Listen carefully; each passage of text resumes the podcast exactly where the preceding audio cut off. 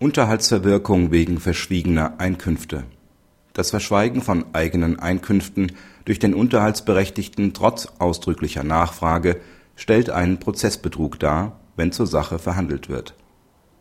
Die Ehegatten haben 1973 geheiratet und leben seit 2005 getrennt. Die Ehefrau erhält aufgrund eines Vergleichs 550 Euro Trennungsunterhalt und begehrt die Erhöhung ihres Unterhalts.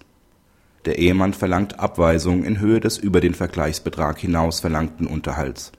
Die Ehefrau hat ab Februar 2007 Krankengeld erhalten, daneben bekam sie bis Juli 2007 einen Krankengeldzuschuss von 162 Euro monatlich vom Arbeitgeber. Diesen legte sie nicht offen, obwohl der Ehemann außergerichtlich danach gefragt und im gerichtlichen Schriftsatz darauf hingewiesen hat.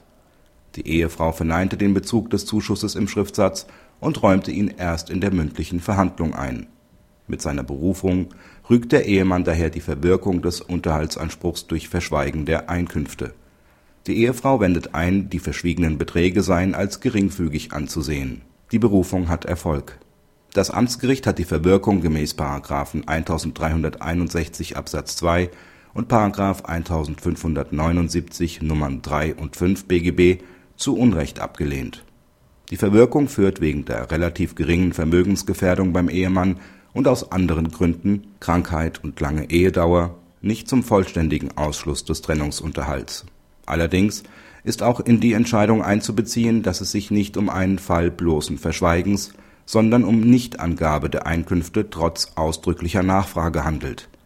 Auch die Antragstellung ohne Berücksichtigung der Einkünfte erschwert die Wertung. Außerdem ist zu berücksichtigen, dass die Herabsetzung des Unterhalts vorliegend nur bis zur Rechtskraft der Scheidung eine Beeinträchtigung darstellt. Praxishinweis Die Verwirkung muss im laufenden Verfahren geltend gemacht werden. Liegen die Voraussetzungen vor und erhebt der Unterhaltspflichtige die Einwendung nicht, ist er in einem späteren Abänderungsverfahren damit präkludiert